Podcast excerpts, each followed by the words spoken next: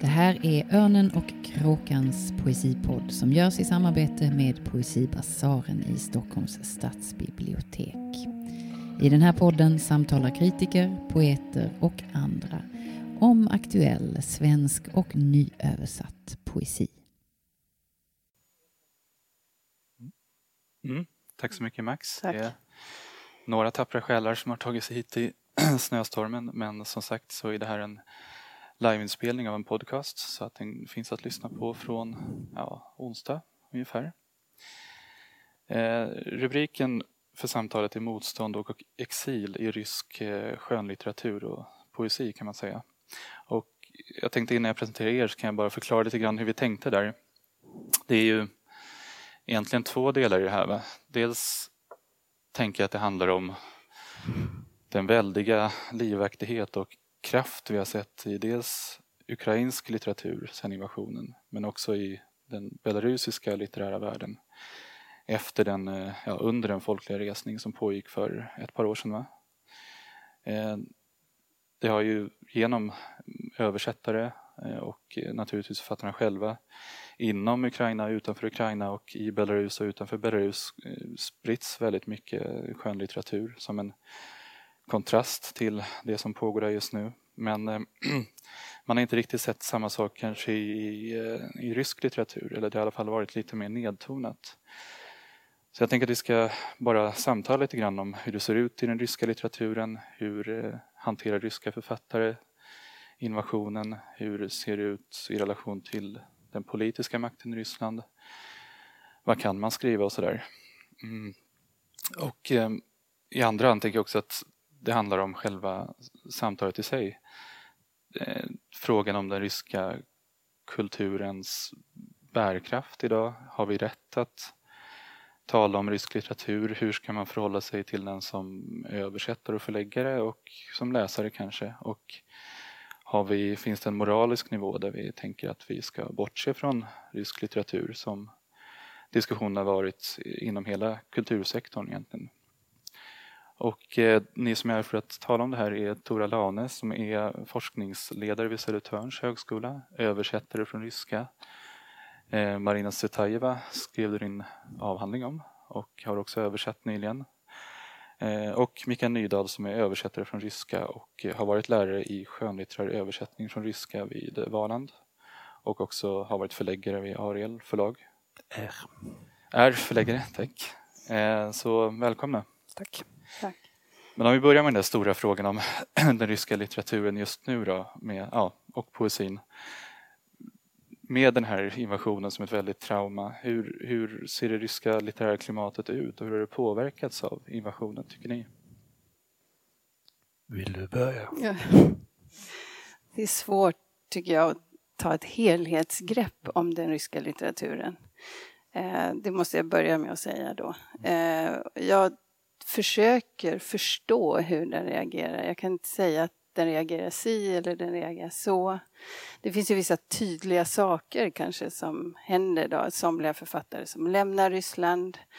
Andra som kanske snarare ska man säga, tystnar eller inte eh, och sen återigen finns det en kategori författare som går väldigt starkt patriotiskt ut för då, eh, kriget.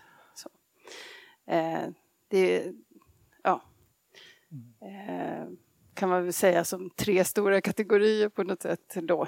Eh, men eh, det här är inte, sen är det ju också en skillnad mellan, det finns en, en rysk litteratur som skrivs i Ryssland och det finns en rysk litteratur som skrivs utanför Ryssland.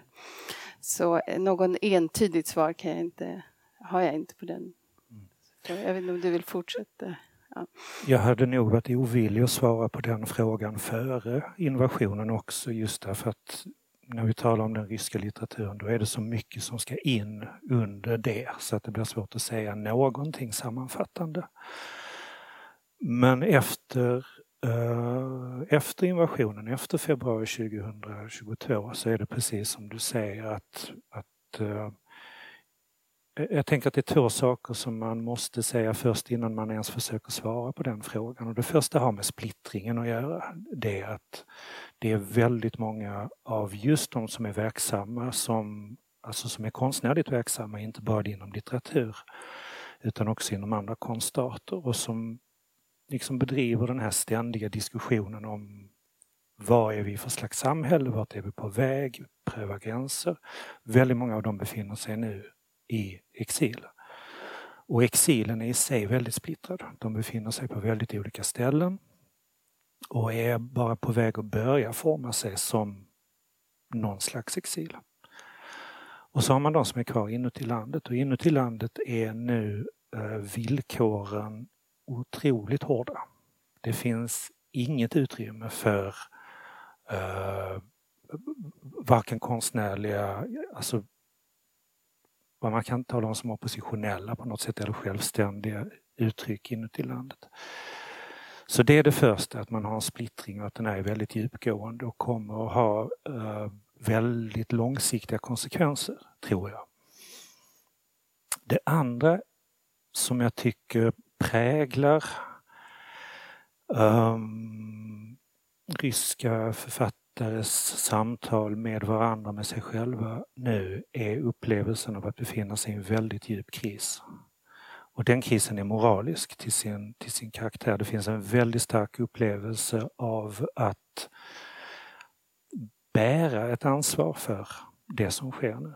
Och paradoxen är den att ofta är det människor som i många, många år har varit aktiva eh, mot den regim och den ideologi som nu har växt fram i landet. Men upplevelsen av att den egna kulturen, det egna språket, den egna litteraturen befinner sig i en djup moralisk kris är nog det viktigaste nya, skulle jag säga. Vi ska prata lite om eh, Oksana Sabushkos artikel där hon just förknippar den rådande ideologin med den ryska litteraturhistorien på ett ganska radikalt sätt. Men Mikael, skulle du hålla med om att det finns att man, vissa ryska kulturyttrare utövare delar den känslan av att språket i sig, litteraturen i sig i Ryssland är förknippad med ideologin, med nationalismen, med nya imperialismen? Det är nog två väldigt olika tankar som på utsidan ser lika ut varandra. Uh, argumentationslinje tycker jag är ganska um, den är ganska fyrkantig. Och den, den är på det sättet ganska typisk för mycket av den mycket kategoriska och mycket kompromisslösa kritik som riktas från ukrainskt håll nu mot den ryska litteraturen. Eh, som i själva verket handlar väldigt mycket om, inte om litteraturen i sig, utan om hur vi i väst eh, läser de här klassikerna. Men det är en separat fråga. Det som jag talar om nu och tänker på nu är någonting jag tror i grunden annorlunda och har att göra med, det har karaktären av självprövning. Det har karaktären av att du som skapande människa, som så att säga konstnärligt ansvarig människa, förstår att ditt eget redskap, språket och din egen kontext, nämligen den litterära miljö som du har verkat i, de är komprometterade av det här kriget som nu begås bland annat i språkets namn. Mm. Men det är ändå en viss skillnad tycker jag, du får rätta mig där, men när man tittar på Belarus exempelvis så upproret där blev en väldigt stark kulturell eh, gemenskap egentligen och väldigt tydliga röster som samlades i motstånd mot regimen. Och i Ukraina skrivs litteraturen förstås i relation till en yttre makt, till Ryssland. Men kan man se samma rörelse i Ryssland, alltså mot den regimen, eller är den helt enkelt praktiskt väldigt svår att skriva?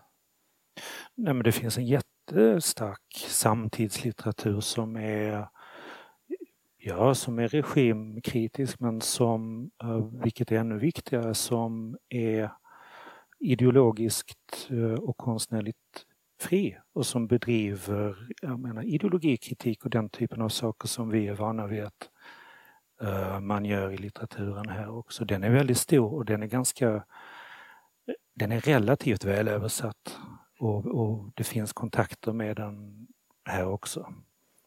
Det som inte finns är det som hände i Belarus, i augusti och hösten 2020 att de här konstnärerna plötsligt hamnar i ett socialt och politiskt skeende som är så brett och så massivt. Det finns det inte en tillstymmelse av i Ryssland. Men det handlar om samhället och kulturen i stort. Mm. När ni har kontakt med ryska författare och kulturutövare och eh, ja, vanliga människor, vad, hur reflekterar de kring det, det som håller på att ske just nu? Eh, I den mån ni har kontakt med dem, både utanför och innanför Ryssland.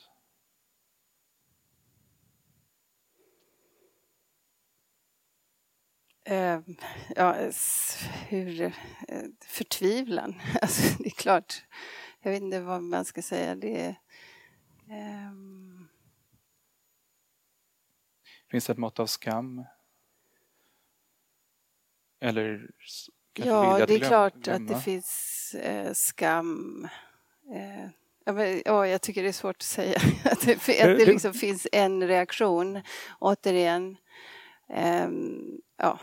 Ehm, jag tycker också, jag vill också lite, om jag får lite i, det, i förhållande till det som har sagt här, sagts här, så vissa saker som jag kanske skulle vilja eh, bara, vad ska man säga, ja, reflektera över från på ett annat sätt kanske. Jag skulle nog kanske inte säga att eh, utrymmet för eh, kulturellt utövande i Ryssland är så begränsat eh, som du säger. Ehm, alltså när det gäller eh, den offentliga sfären, eller vad ska man säga, när det gäller tidskrifter, eh, tidningar, tv och i viss mån social media så ja.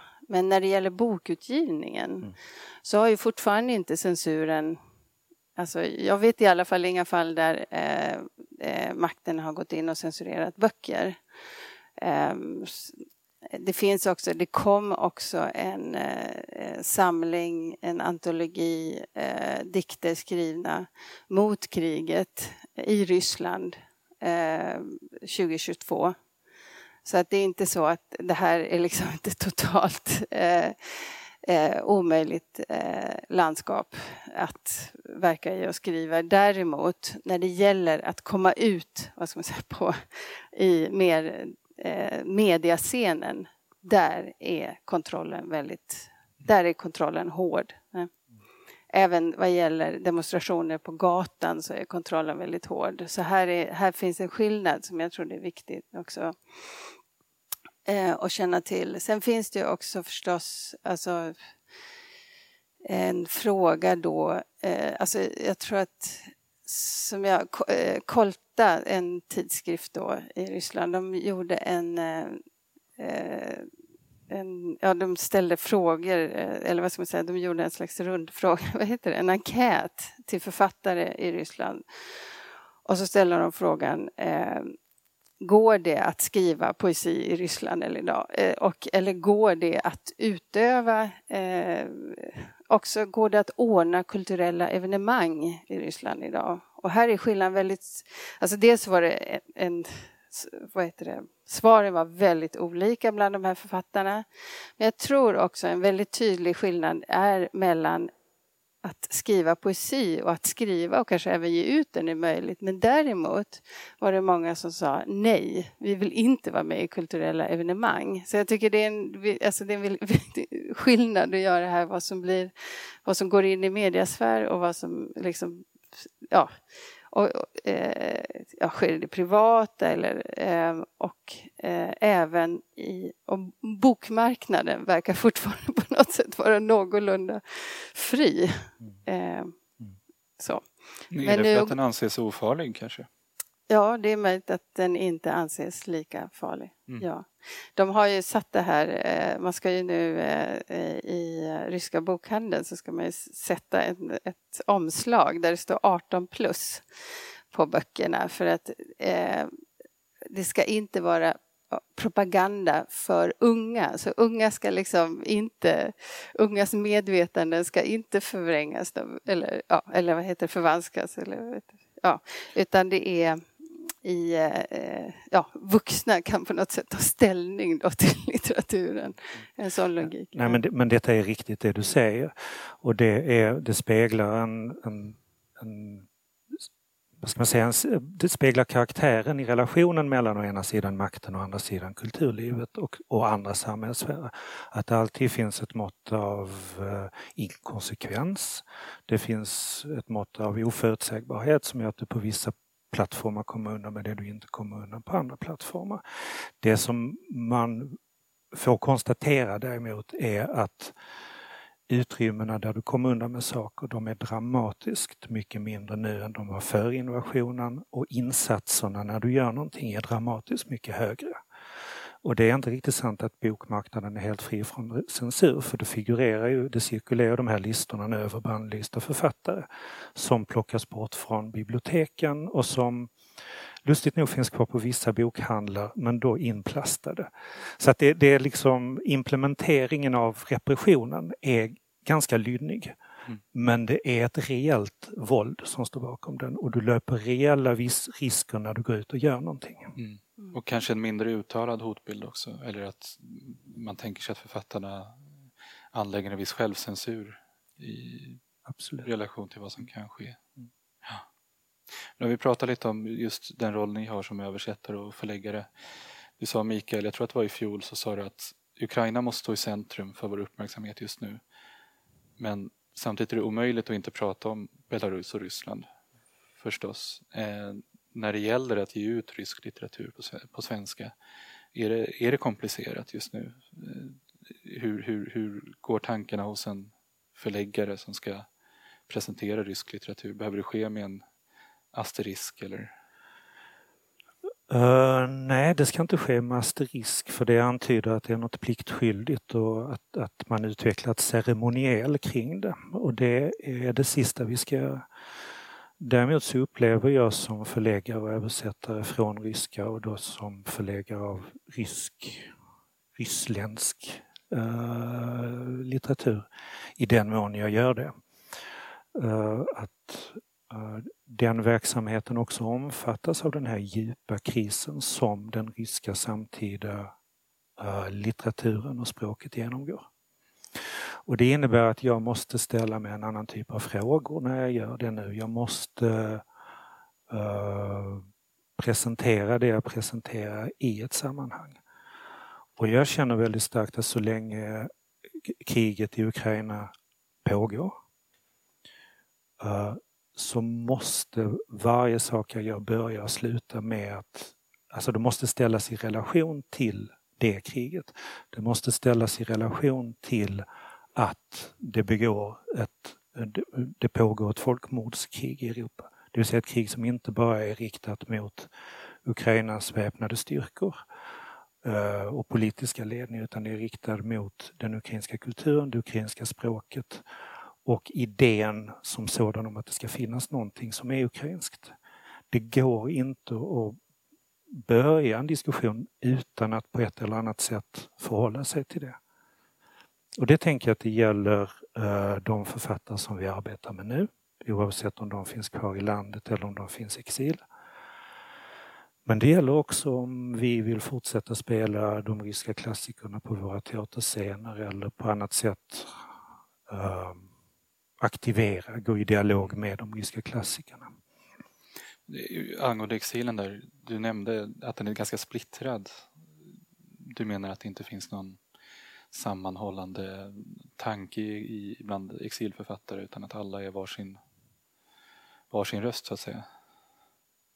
Jag menar nog på ett ännu enklare sätt att det är till att börja med en väldigt mångfacetterad och heterogen mm. miljö vi talar om. Det är väldigt olika människor från väldigt olika typer av projekt som nu lever under väldigt olika yttre omständigheter. Någon har lyckats fly till Georgien, någon har lyckats fly till Armenien, någon lyckas befinna sig i, Europa. Att den här rent geografiska, den rent fysiska uh, kringspriddheten är så stark nu. Och den är ju bara ett år gammal.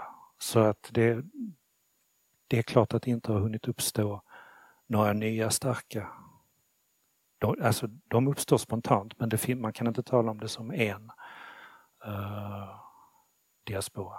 Mm. Förlåt. Ja, nej, jag tänker bara olika eh, saker. Alltså, diasporan har väl aldrig varit en egentligen och aldrig blivit en heller. Så det var den ju inte heller på eh, 20-talet eller 20-30-talet. Ehm, så att det, det, kanske vi inte kan förvänta oss att den blir heller någonsin utan det handlar verkligen om olika röster.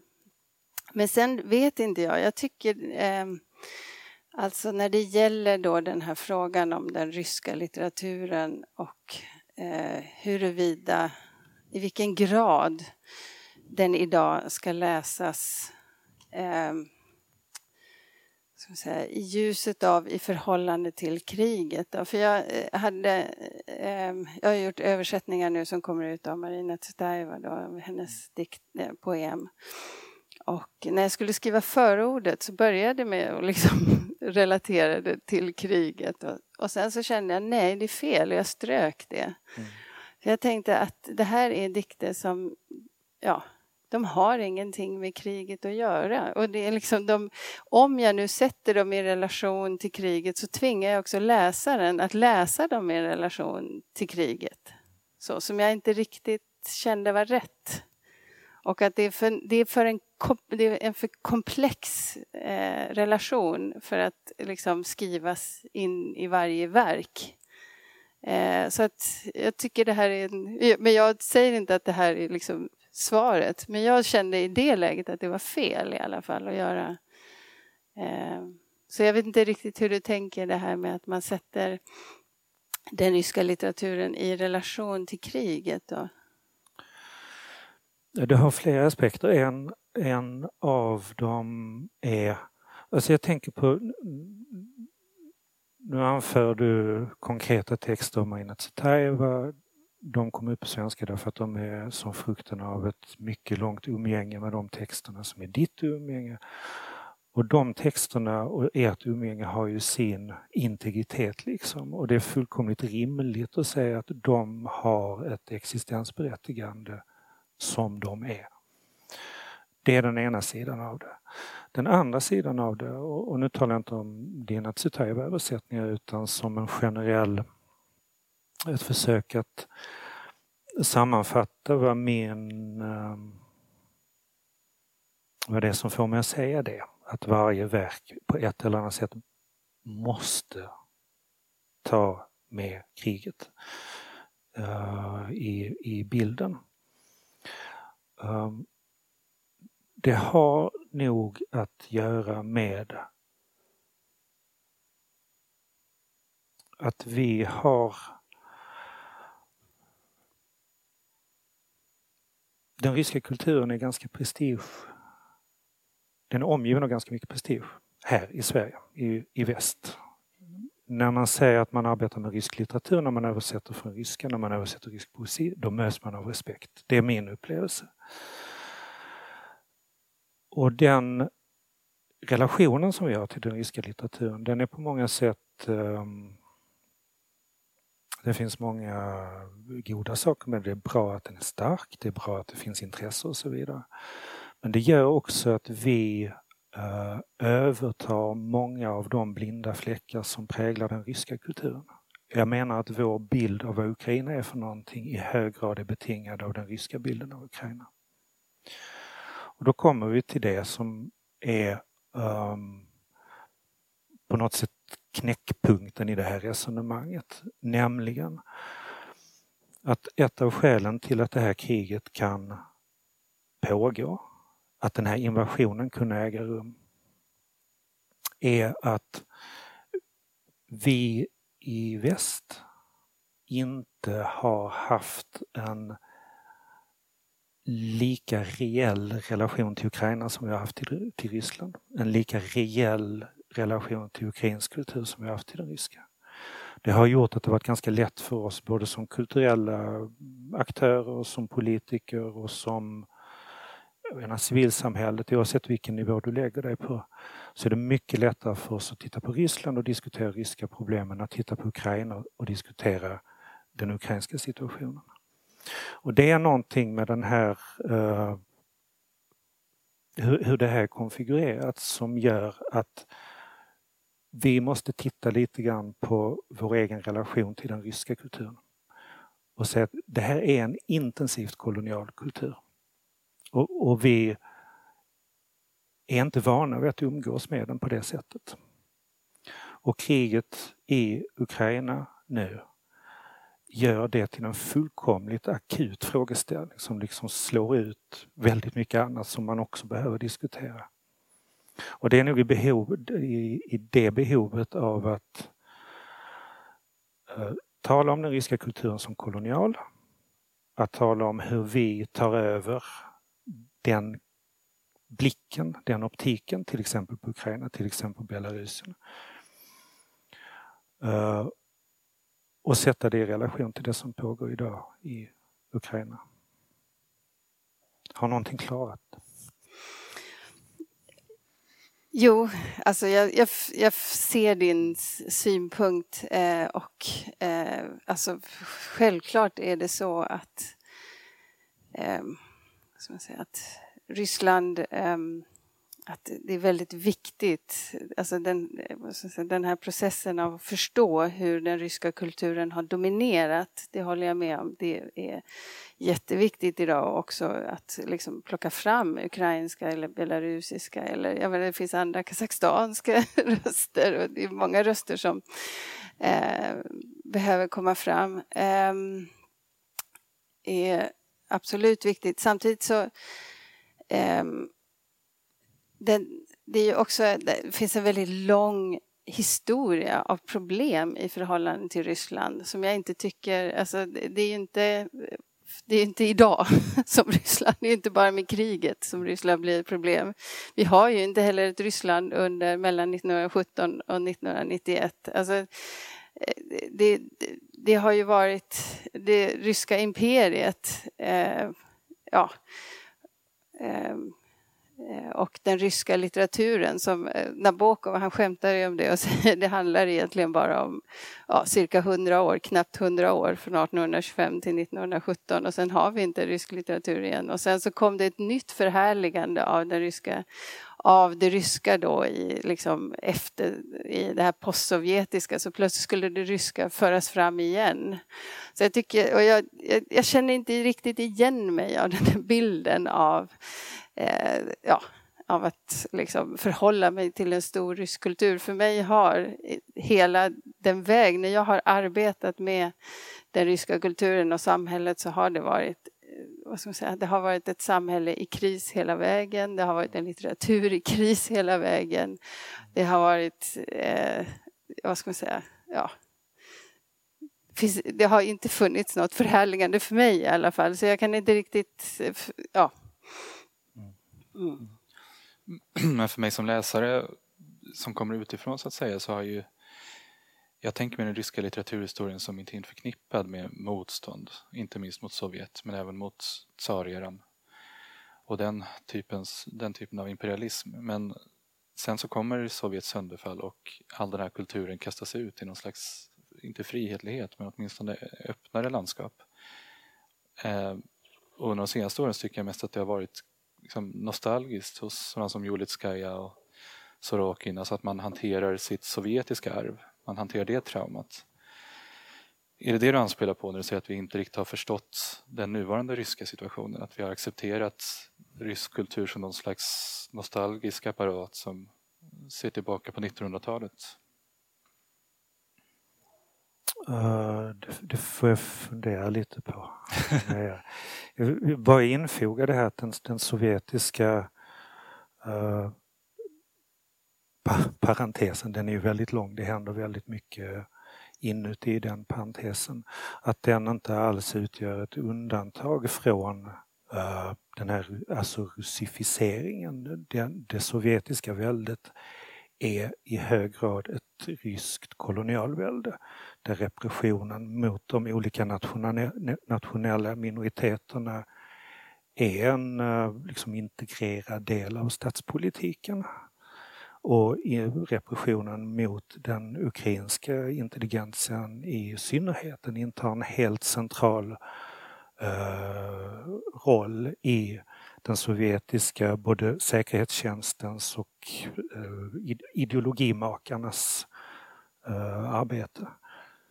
Så att russificeringen, kolonialismen finns där hela tiden och antar olika former, i olika, eh, kläs in i olika mm. uh, ideologiska förpackningar. Alltså, absolut, det är inte det att jag förnekar det och dessutom skedde det ju en enorm glorifiering av det ryska imperiala arvet också i Sovjetunionen, så det är inte det jag är emot. Men jag tänker mig att den här ryska eh, och sen sovjetiska och sen ryska igen litteraturen. Den står för mig, den har liksom hela tiden stått i eh, säga, genom den ryska litteraturen så kan jag också reflektera över den ryska litteraturen och över problemen med den sovjetiska litteraturen och över problemen med det, med det ryska samhället. Alltså det är inte för mig, för mig inte, även om det finns en sån här liten aura, av, eller en liten, det finns en stor aura av rysk litteratur, mm. så är det inte en aura eh, som, eh, vad ska jag säga, som glorifierar det ryska samhället eller det ryska imperiet Nej. eller legitimerar det på något sätt och särskilt inte när, ju längre fram vi kommer. Så det är det som jag tänker att, att ja, kriget förändrar väldigt mycket. Kriget är, ja, eh, och jag tror det har förändrat mitt sätt att förhålla mig och det har förändrat också min förståelse av vad jag gör och vad min, som, eh, som eh, också eh, ja, forskare, lärare, översättare. Men samtidigt så, så är det här en historia av så mycket, av vad heter det, så många svårigheter, av ett så problematiskt samhälle eh, som litteraturen avspeglar. Så det är det jag tänker att liksom, är, ska vi inte låta dem få tala för det, för, ur sin tid? Alltså det är också det, vi, vad, va, eh, om vi lägger det här krigsperspektivet på allting, får, varje, får då eh, varje litteratur tala utifrån de problem som de talar om i den tiden. Det är också det som blir en, tycker jag, ett krux i, i mm. ja, mm. den tanken. Nej, men det är absolut en viktig, ett, ett viktigt förtydligande som du gör och, och när jag talar om den här liksom prestigen som står kring, kring rysk litteratur här hos oss i, i, i väst. Då är det, det är egentligen det du talar om nu som Eh, jag tänker på då det är som en författare som Olitska som arbetar väldigt mycket med de historiska traumorna. Att, att vi har, det är den sortens eh, prestige. Man kan tala om det i andra termer, man kan säga att vi tillmäter den här litteraturen en väldig moralisk vikt. Vi går till den för att vi vet att där hittar vi de här stora skildringarna av 1900-talstraumat, där hittar vi de stora diskussionerna om historisk moral, om personlig moral och så vidare. Och allt det um, finns där. Allt det tror jag, till skillnad från Zabushko, tror jag inte att det försvinner bort någonstans. Men jag tror, för att försöka återkomma från ett lite annat håll till det som är min poäng, att vi måste åtminstone nu under den akuta fasen, så länge kriget, folkmordet, pågår i Ukraina, så måste vi titta på vår egen relation till detta och vi måste också inse att också den här kulturen har sina blinda fläckar på just, uh, i just det koloniala spektrumet. Och då händer det att, eller det kan vi ta sen, det, men un, ungefär så.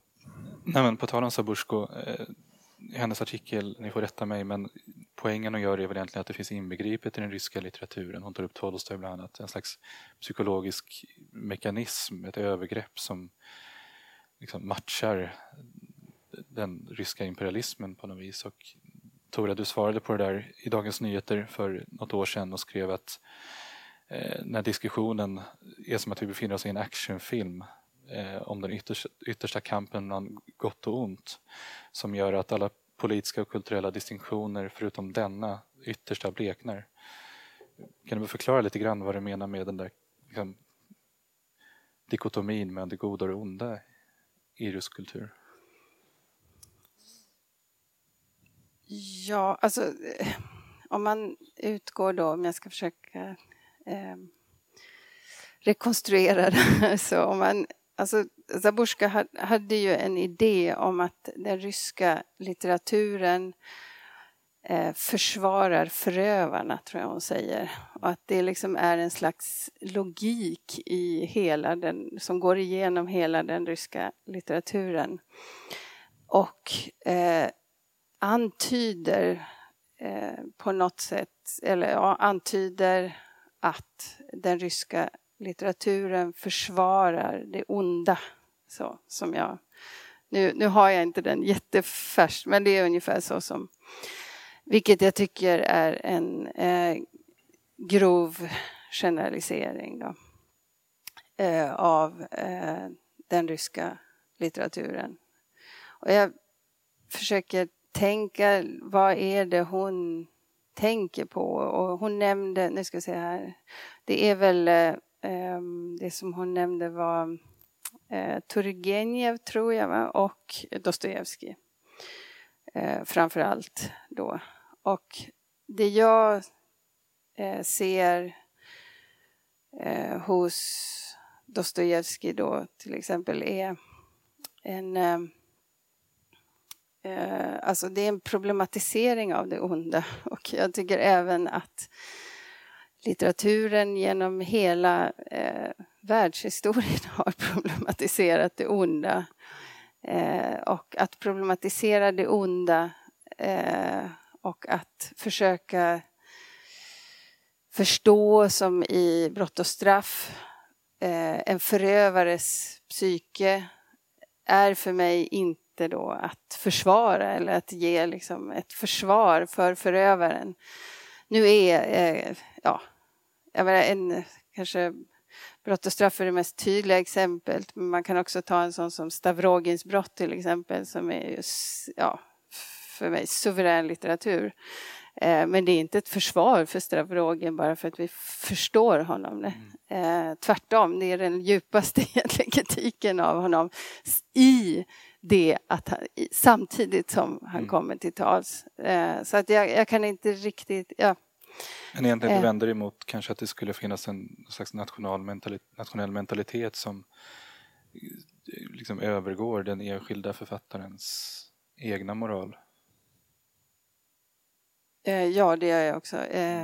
Det är klart att det är klart att det är så att den ryska litteraturen har Eh, Eh, formats utefter vissa eh, historiska premisser som har med imperiets framväxande att göra, absolut. Vi kan inte tänka oss, eller det, det var ju så den ryska litteraturen växte fram. Eh, och den i eh, eh dess utveckling så har det funnits en reflektion över eh, vad det ryska är i förhållande till väst som har haft eh, också vi känner till den här gamla motsättningen mellan västerlänningar och eh, slavofiler. Som, eh, och eh, det finns ju vissa teman som vi kan se går igen och det finns också, eh, ja, ehm, så det är väl inte så att den ryska litteraturen är, svävar fritt utan det är också en, ett historiskt fenomen. Men eh, jag skulle eh, och, eh, men det som... Jag skulle inte vilja klä eh, det här historiska fenomenet enbart i termer av en nationalkaraktär. Utan det som, för mig i alla fall, eh, har varit intressant med den ryska litteraturen eh, och, eh, har ju varit det här sättet att den faktiskt har talat med en viss universalism.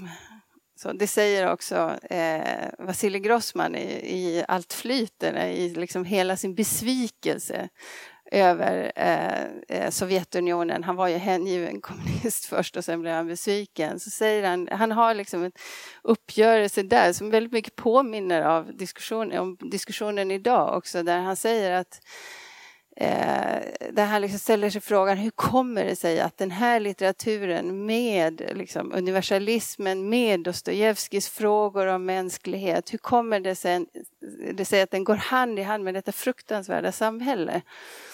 Eh, och så att, eh, ja, vi, vi, får ju samtidigt tala om det som har betingat den ryska litteraturen så vi också kan se vad som gör den intressant. Då. eh, ja. Håller du med Mikael? Um, ja, det gör jag. Så sitter jag och tänker på någonting annat också. Som nämligen är att det här, när vi talar om den ryska litteraturen så är det så svårt att förstå vad det är vi menar egentligen. Menar vi litteratur som är skriven på ryska till exempel? Det är det uppenbarligen inte när vi gör det därför att det skrivs litteratur på ryska i Ukraina också. Det skrivs litteratur på ryska i Belarus. Menar vi litteratur som är skriven innanför dagens ryska federations gränser?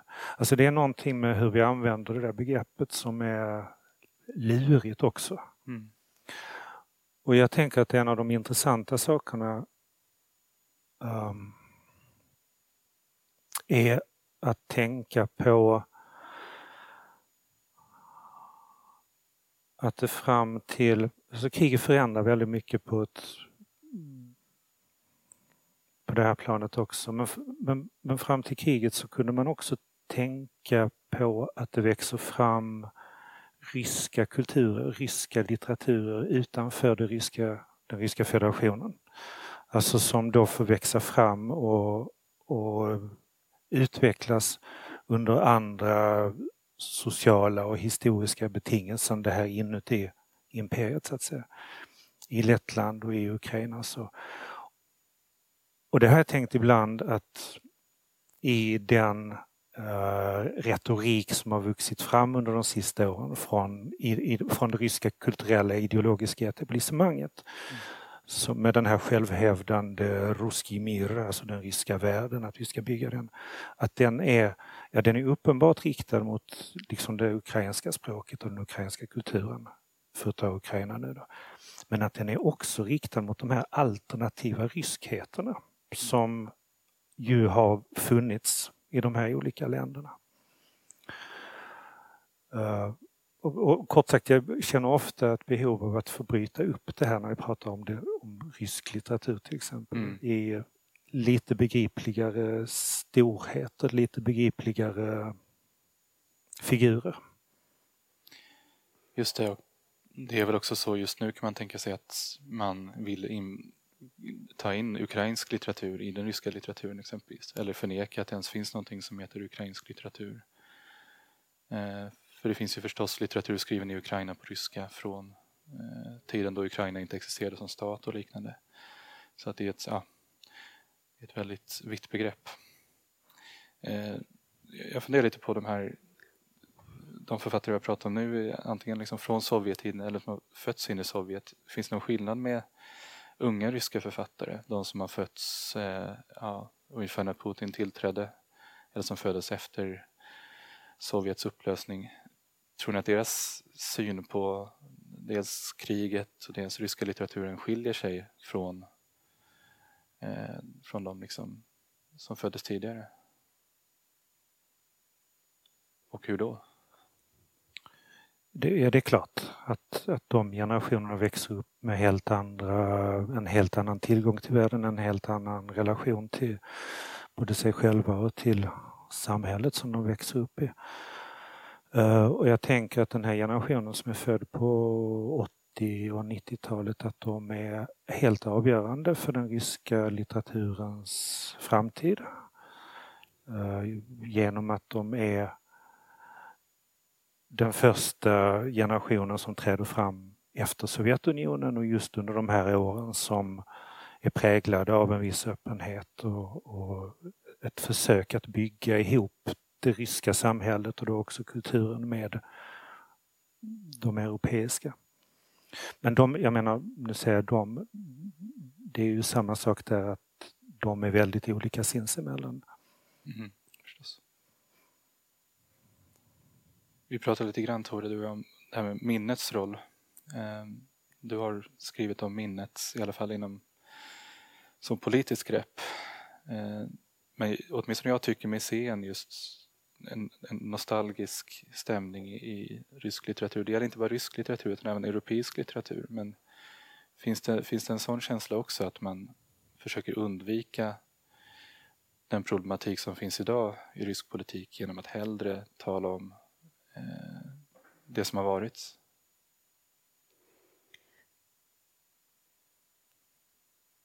Um, än en gång, den ryska, alltså jag, den ryska, jag tror att vi hela tiden, jag känner att vi hela tiden säger det här, det är så svårt att säga, alltså, använda det här ordet rysk på ett entydigt sätt. Alltså, det ena är som sagt den här glidningen mellan eh, det imperiala ryska, som förstås är det ryskspråkiga och inte den ryska nationen, och sen kommer det ryska som idag är en nation.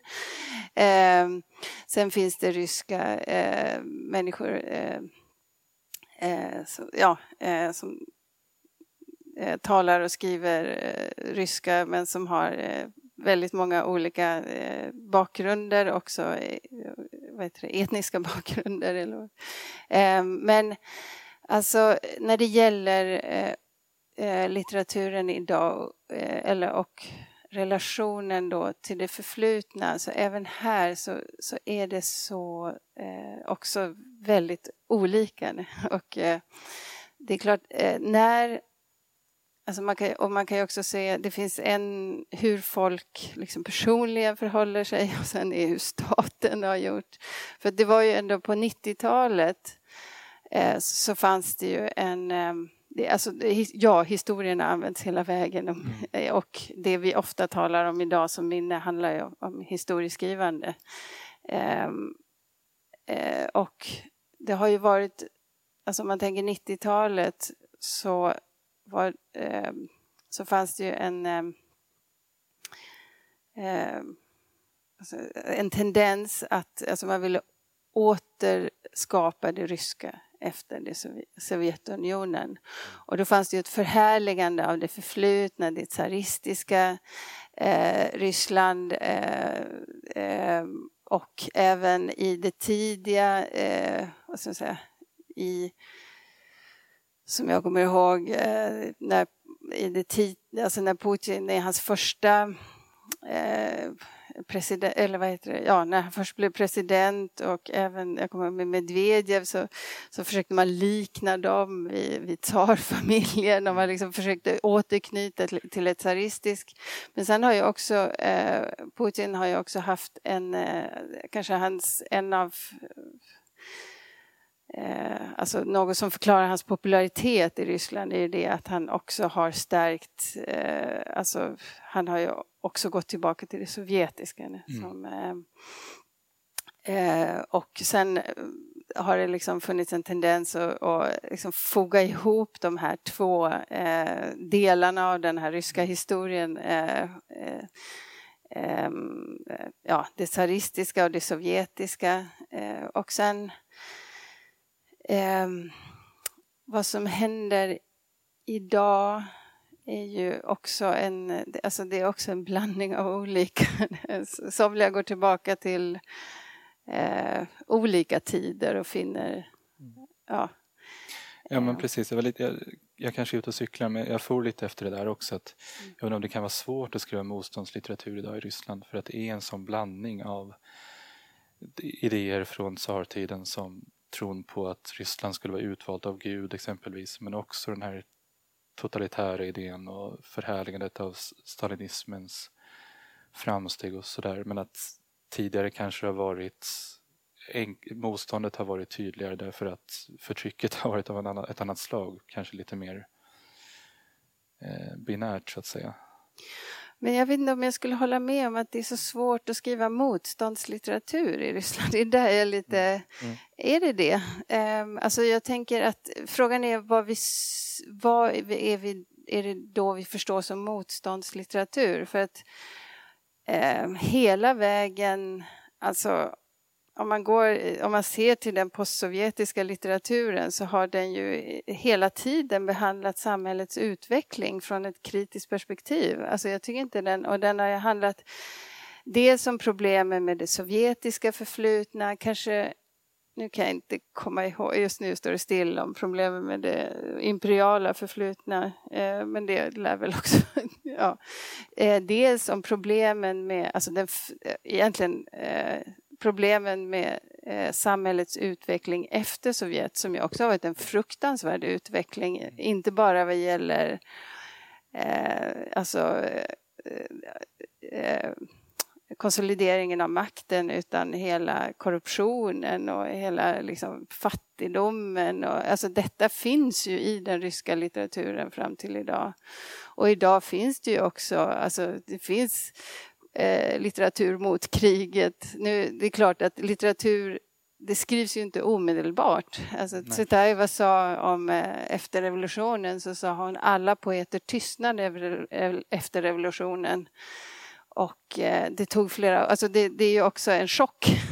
Eh, det handlar ju också om att kunna, alltså eh, att eh, kunna förstå och kunna förhålla sig till eh, vad som sker. Så jag, jag, jag, skulle liksom inte säga att i så fall eh, så kanske, alltså, eh, visst har det funnits nostalgiska rörelser. Det finns nostalgiska försök att greppa vad, vad är det för land vi lever i? Vad? Då, då kan, kan, man gärna gå till historien. Men samtidigt skulle jag inte säga att det, att det är istället för mm. en, en motståndslitteratur. Ja. Jag håller helt med dig att litteraturen har under de här decennierna som har gått, det har varit en plats för jag menar, mycket kompromisslöst undersökande av vad det är för slags samhälle och vad det är för historia och, och vad gör med, med traumat och sådana saker. Så det har absolut funnits. Uh, och det har och det har fått finnas under en häpnadsväckande, så att säga, häpnadsväckande orört också när samhällsklimatet har hårdnat och vi har sett journalister bli eh, mördade och så. Och det har väl haft att göra med att litteraturen har betraktats som eh, mindre inflytelserik än tvn, så att säga. Däremot så, vad jag har noterat väldigt mycket som har med det här att göra, det är hur ryska författare, poeter och konstskapare under de här decennierna ofta, ofta hör man frasen Jag är författare, jag sysslar inte med politik. Det har växt fram en väldigt stark eh, vilja att avgränsa sig mot allt som är explicit politik och den är otroligt eh, problematisk för den kultur som odlas innanför det här hängnet. Och i den eh, i hägnet av den så har det skrivits mycket som är just nostalgiskt på ett konstigt sätt där du har du får en lägerlitteratur som i praktiken nost, alltså umgås med läget nostalgiskt. För jag, för jag, jag tänker att kanske frågan ligger Alltså en fråga som har ställts och som ställs igen och igen i den här frågan. Varför finns det ingen rysk opposition? Så som liksom på samma sätt som i Belarus eller i Ukraina. Eh, och jag tror att man måste skilja den från litteraturen. Alltså, det, det, är en fråga. Varför har inte oppositionen kunnat samlas? Eh, varför, eh, ja, eh, varför kan den inte tydligt gå ut och så vidare. Och, så vidare. och där, det är liksom, jag tror att det är en fråga som, eh, som man behöver förstå och, liksom, ja, eh, och som är väldigt problematisk. Men den är inte riktigt samma som att det inte finns kritisk litteratur och inte finns eh, kritiska röster i litteraturen. Så, mm. ja. Mm. Okej, jag tror vår tid börjar rinna ifrån oss. Om ni inte har något mer att tillägga så får jag tacka så jättemycket för att ni kom hit, båda två. Tack till Max och till Tranströmbiblioteket som lät oss vara här. Mm. Och tack till er som lyssnade. Tack. Tack.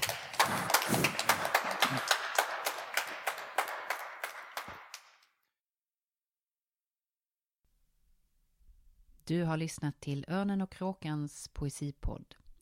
Läs mer om aktuell svensk och nyöversatt poesi på ornenochkrakan.se